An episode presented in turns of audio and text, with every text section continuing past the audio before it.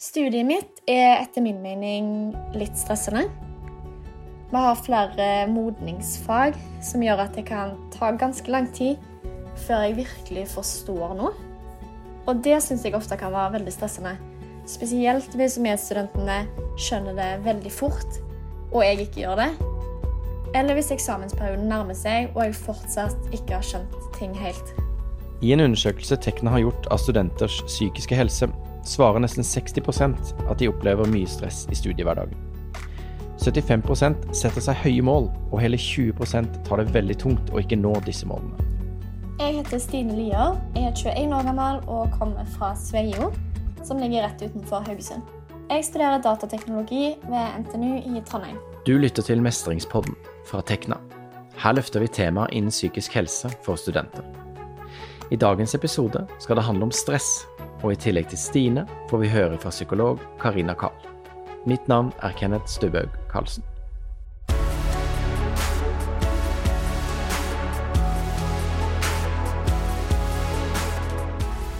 La oss begynne med å se nærmere på hva stress egentlig er. Psykolog Karina Kahl forklarer. Stress er energi og handler om overlevelse. Vi er fra naturens side bygget for overlevelse og har en forhistorie som jegere og samlere, hvorfra vi har arvet en alarmberedskap som gjør at vi kan kjempe eller flykte når det blir nødvendig. I vår tid er det ikke farlige dyr som trigger denne alarmen, men eksempel høye krav til oss selv og frykten for ikke være gode nok. Da skaper kroppen energi for å sette oss i stand til å håndtere det vi står overfor. Hjertet slår raskere for å pumpe blod ut i store muskler og frakte oksygen rundt i kroppen, i tillegg til mange andre fysiske signaler. Hvis stress er energi, høres jo ikke det utelukkende negativt ut. I mange situasjoner så føler jeg at stress er positivt. Fordi jeg føler jeg presterer bedre når jeg er stressa. Det gjelder f.eks. hvis jeg skal holde en presentasjon som jeg gruer meg til. Da føler jeg at jeg blir mer skjerpa av å være stressa, og at jeg derfor presterer bedre. Det samme gjelder egentlig med eksamen. Jeg føler ofte at stresset gjør at jeg klarer å fokusere bedre. Vi kan skille mellom positivt og negativt stress. Negativt stress kan gjøre oss overveldet, handlingslammet og ute av stand til å gjennomføre det vi skal. Denne typen stress skyldes for høye krav i forhold til opplevelsen av kontroll over tid. Hva da? Vi kan tåle mye, vi kan jobbe hardt og ha mye å gjøre. Så lenge vi har en opplevelse av kontroll og eller mestring. Men i det øyeblikket vi har større krav enn det vi opplever å ha ressurser til, så kan vi oppleve stress på en negativ måte. Hvis jeg ikke får til ei oppgave på en innlevering f.eks., så kan jeg fort bli stressa og også redd for å ikke klare å bestå f.eks. eksamen. Og tenke at jeg rett og slett ikke er god nok til å ta det faget. Da er det veldig lett for meg å tenke på alt det jeg ikke fikk til, istedenfor å tenke på det jeg fikk til. Og så blir jeg egentlig bare enda mer stressa og tviler enda mer på meg sjøl. Og så blir det en slags ond sirkel. Negativ stress i en kort periode er ikke farlig. For mange så kan det være nyttig og hjelpsomt å bruke fysisk aktivitet, eksempelvis, som en konstruktiv måte å få utløp for noe av denne overskuddsenergien på. Helt konkret kan fysisk aktivitet være konstruktivt fordi blodtrykket faller i ettertid, hvilket gjør at du lettere vil kunne falle til ro, fokusere, konsentrere deg og få ting gjort. På den måten kan pressede perioder oppleves mer overkommelige, og du kan lære å roe ned når du trenger det, selv om du har mye å gjøre. Men kan det på noe tidspunkt bli for mye stress over for lang tid, og hva skjer da?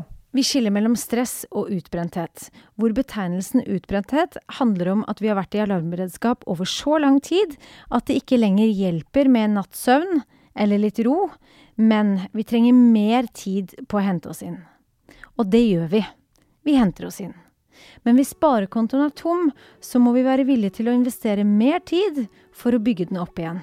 Det vil si sette tempoet ned over en så lang periode som vi trenger før vi har overskudd igjen. Det er ikke uvanlig å ha katastrofetanker om å bli utbrent, og disse må ikke forveksles med at man faktisk vil bli det. Utmattelse eller utbrenthet er heller ikke en kronisk tilstand. Ofte er frykten for tilstanden verre enn tilstanden i seg selv.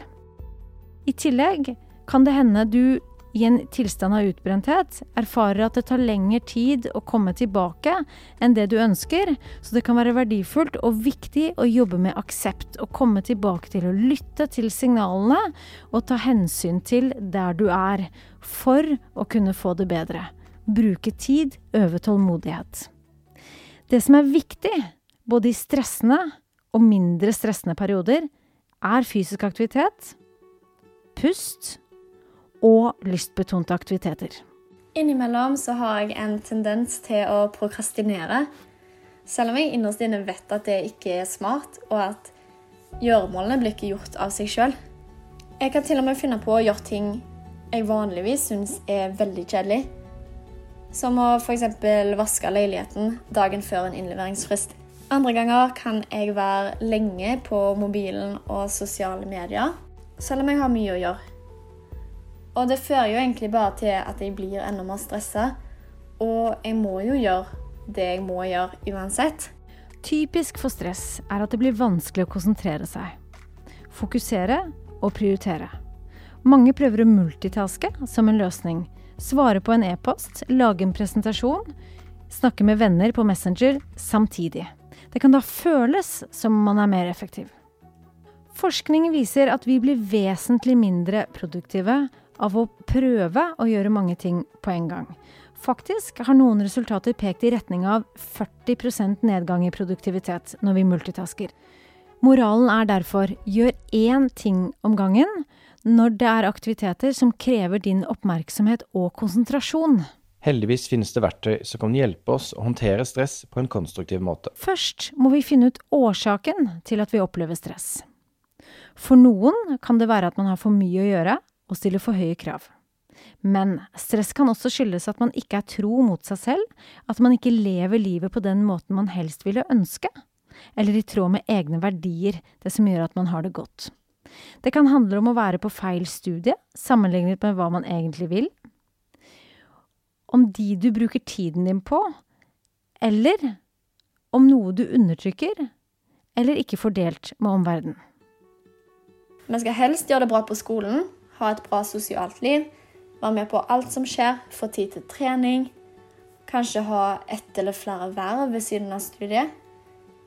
I tillegg så er mange studenter avhengig av en deltidsjobb for å klare seg økonomisk. Det er ikke lett å alltid prestere på alle disse områdene. Første steg kan være å lære å tørre å prioritere og begrense. Det krever mot å tørre å begrense, fordi vi helst vil være overalt og få med oss alt til enhver tid.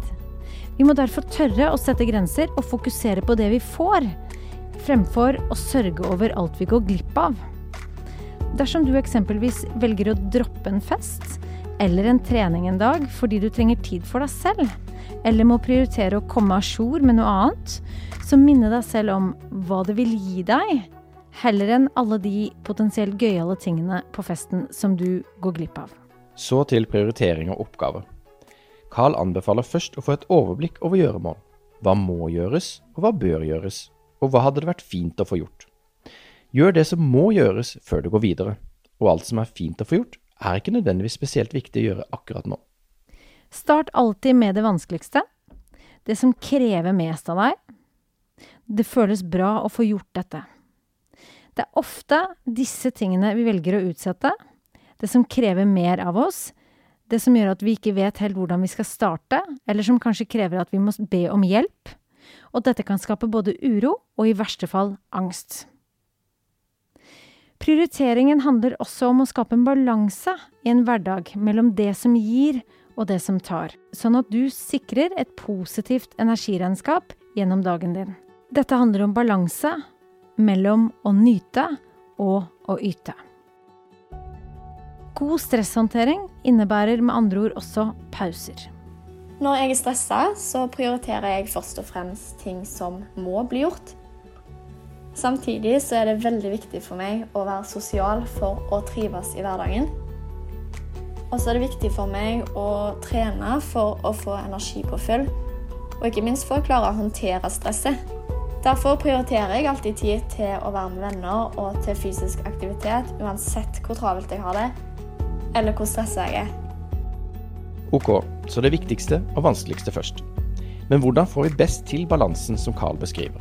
Virksomt, men lite tidkrevende, er å lære deg å bruke pusten som små pauser og kilde til ro. Dette kan gjøres så enkelt som et sted mellom én til fem dype pust, noen ganger gjennom dagen.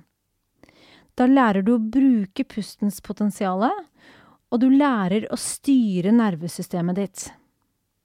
Du kan ved bruk av pusten på denne måten roe deg selv ned, både i en stressende situasjon og også forebyggende. Da var det gjort. Når du puster rolig, og spesielt unner deg rolige og fullverdige pust ut, så aktiverer du det beroligende nervesystemet.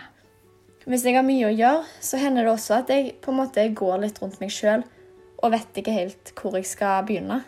Og så gjelder det å sette av tid nok til det som skal skje, og huske på at stress er en påminner om å komme tilbake til det som betyr mest for deg. Når du tar deg selv i å surre rundt uten å få konsentrert deg om det du skal, så kan du spørre deg selv hva betyr egentlig mest for deg? Det som betyr aller mest for meg i livet mitt, er helsa mi. Og å tilbringe tid med de som jeg bryr meg om, og som bryr seg om meg.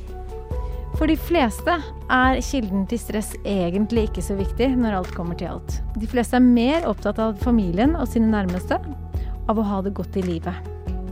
Så hvor viktig er det egentlig å gå på alle de arrangementene og festene, få den beste karakteren, eller få med seg absolutt alt som skjer?